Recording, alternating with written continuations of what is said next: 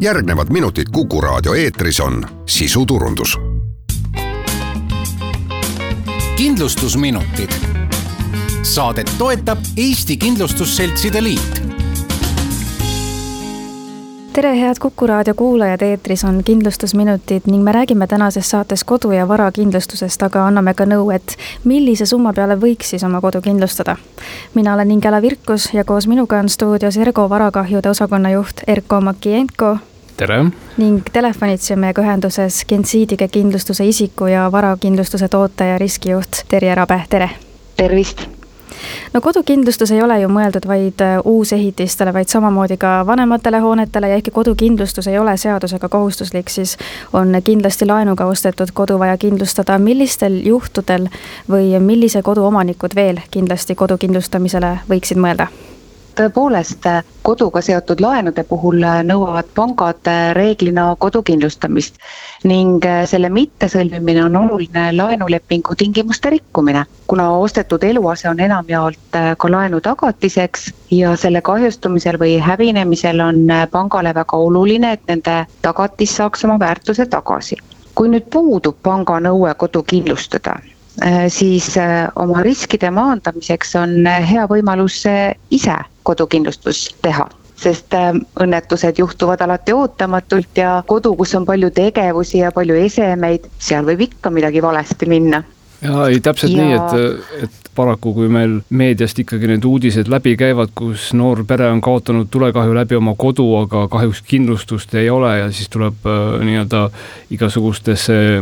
meediakanalitesse ja kuhu iganes neid oma abipalved esitada, et, et saaks selle kahju hüvitada, et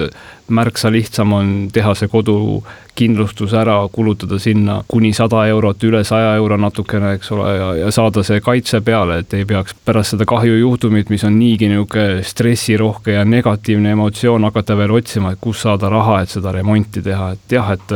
pangad on selles yeah. mõttes, et on selle laenamise juures üks hea külg on vähemalt see, et saab kodu kindlustada, et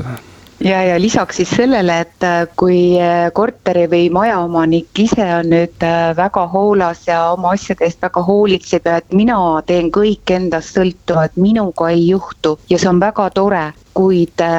kui me võtame nüüd vähemalt need kortermajad, eks, et siis, et meil on ju naabrid, kes ei pruugi olla nii ülemäära ettevaatlikud ja, ja võivad põhjustada siis oma naabritele õnnetusi noh, näiteks uputavad või, või on tulekahjud. jah, et meil on olnud isegi seda, kui naaber teeb oma grillimist seal ja sädemed lähevad äh, räästasse ja, ja ongi naabermajal tulekahju käes, kuigi, kuigi ise nagu oled olnud täiesti korralik ja,. jah, jah, et need õnnetused käivad ikka kuidagi ootamatult ja ei sõltu alati meist endist ja meie tegevustest, et sellepärast äh, on siiski hea omada seda kodukindlustuslepingut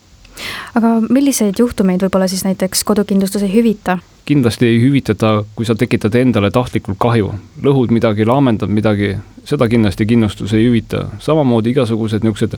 pikaajalised protsessid, läbiroostetamised, läbimädanemised, seenkahjustused, majavamm, et sellised kahjud ei, ei lähe üldjuhul hüvitamisele, ehk et see põhihüvitamise nagu alus ongi see, et ta peab olema ettenägematu, ootamatu, selline õnnetuselaadne sündmus, et, et siis me saame nagu abistada, aga aga kui nüüd tõesti need noh, näiteks põrandatalad on juba sedavõrd pehkinud, et tõesti üks päev klient sealt nii-öelda läbi vajub, siis tema jaoks võib olla see täiesti ootamatu, noh, ta ju ei teadnud ette, et kukub läbi, aga tegelikult selle tala läbimädanemiseks kulub aastaid ja aastaid niisugust niisket keskkonda, et et jah, selliseid äh, pikaajalisi protsesse kindlustused üldjuhul ei kata, et. ja ma võib-olla lisaksin veel juurde, mis on ka olukorrad, kus äh, me ei hüvita, on need pisikahjustused, näiteks äh, mingi asi määrdub, eks ole kasutamise käigus tekivad pleekid, mingid väikesed täkekesed, äh, näiteks diivani nihutamisest äh, tekivad parketi peale väikesed kriimud, ehk et äh, sellised pisikesed kahjustused, mis ei takista nüüd seda asja kasutamast edasi. Jah, ega siin ongi selles mõttes, et me peame nagu ajaga kaasas käima, et siin teinekord on jah, tõesti selliseid vaidlusi tekkinud, et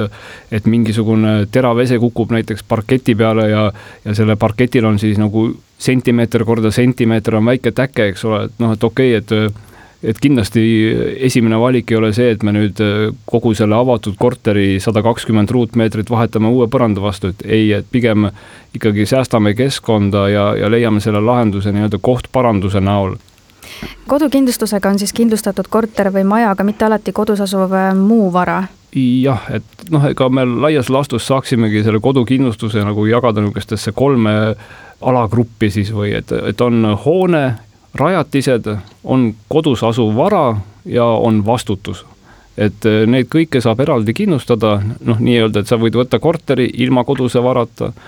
võid võtta maja ilma koduse varata ja vastutuseta, eks ole, et et selles mõttes, et see ongi see teema, mida peaks enda jaoks läbi mõtlema, et mis asi on minu jaoks oluline. et võib-olla tõesti, kui seal on korteris on ainult üks äh, päevi näinud diivan ja üks laud, et noh, siis vast tõesti pole seda kodust vara mõistlik kindlustada, aga kui on ikkagi korralik sisustus, siis tuleb ikkagi seda valida. ja, ja kindlasti tuleks siis äh, ära märkida eraldi, et, et üldjuhul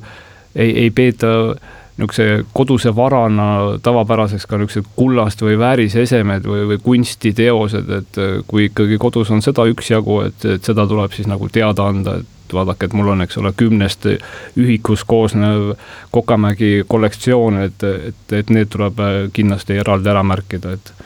eraldi märkimise alla ei kuulu igasugused külmkapid, televiisorid, pesumasinad, see on niisugune tavapärane kodune vara, et aga mis summa peale võiks siis oma kodu kindlustada ja kuidas see kodukindlustuse hind lõpuks välja kujuneb, et mida arvestatakse mm? -hmm üldiselt näitab statistika niimoodi, et keskmine kindlustussumma, mille peale inimesed nüüd oma kodust vara ehk et neid asju, mis on kodus, mitte me ei räägi neid seinasid ja siseviimistlust, mis on tapeedid ja, ja põrandad ja nii edasi, vaid just need asjad, mis kodus on. et selle keskmine kindlustussumma, mida inimesed valivad jääb kuni kümne tuhande euro piiridesse ja see on väga väikene et kui võtta näiteks perekonnad, kes elavad mitmetoalistes korterites või majades, siis on ainuüksi majapidamises kasutatavaid esemeid nii palju ja need ei ole üldse odavad. robottolmuimejad näiteks ja robotniidukid, igasugused tehnikad, nutiseadmed, aiamööblid ehk et ühe näiteks maja koduse vara kindlustussumma, no ütleme saja ruutmeetrise maja kindlustussumma kodusele varale võiks küündida viiekümne tuhande euroni. ja, ja nii nagu siin nimetatud on, et kui on veel olemas veel väärisesemed kodus, nagu ehted väga kallid kunstiteosed, antiikesemed, siis äh, jaa, teatud limiidi ulatuses on ka väärisesemed sellise tavakindlustussumma sees, mida valitakse. kuid kui see vara on väga suur, nagu siin nimetatud, väga kallid, tuntud äh, kunstnike maalid, siis need tuleks kõik eraldi üles loetleda, sest need on tõesti väärtuslik vara ja miks ka mitte teha pildid ehk et endal oleks see ülevaade oma asjadest ja ka kindlustusseltsid aeg-ajalt küsivad sellise väga väärtuslike asjade kohta pilte enne kindlustuslepingu sõlmimist. ega siin nagu väga muidu teistmoodi ei saagi, siis mina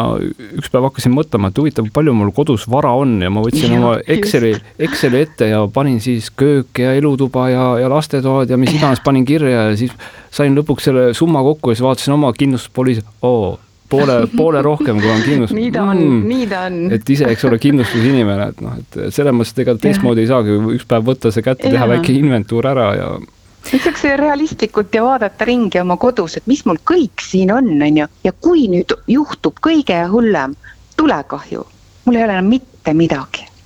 Aga teie olete asjatundjad ja spetsialistid, mida tasub siis veel kodu- ja varakindlustusest äh, teada enne kindlustuslepingu sõlmimist, et mis on võib-olla need levinumad äh, küsimused, millega teie poole pöördutakse või, või sellised punktid, millele ei osatagi üldse mõelda?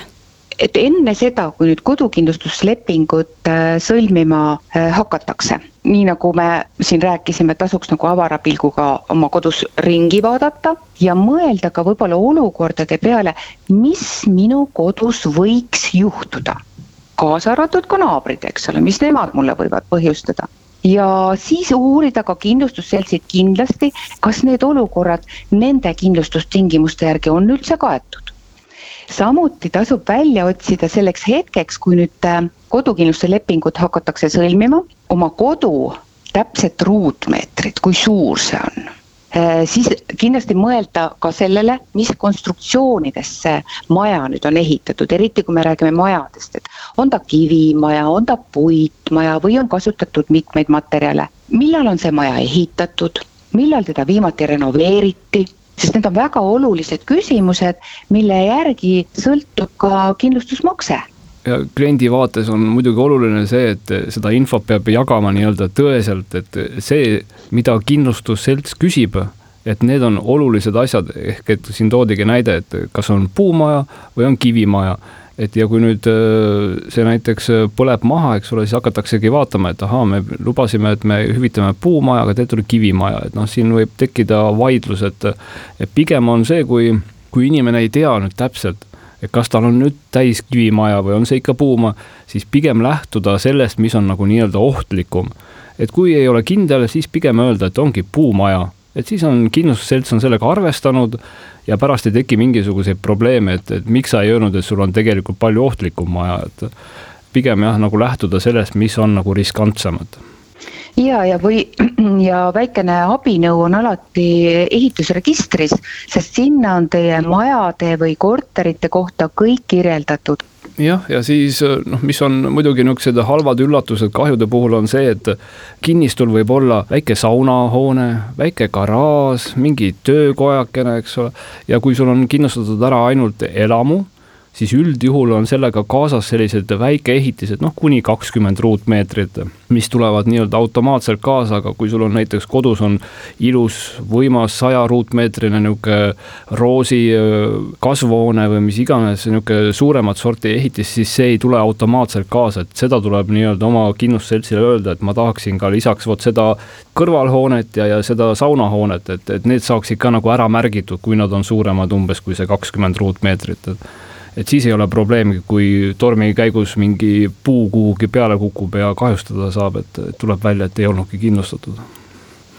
siinkohal me ka lõpetamegi, suur aitäh kuulamast, mina olen Ingela Virkus ja koos minuga rääkisid kodu- ja varakindlustusest Ergo varakahjude osakonna juht Erko Makienko ning Gensiidige kindlustuse isiku ja varakindlustuse toote ja riskijuht Terje Rabe, aitäh teile! aitäh! aitäh! kindlustusminutid saadet toetab Eesti Kindlustusseltside Liit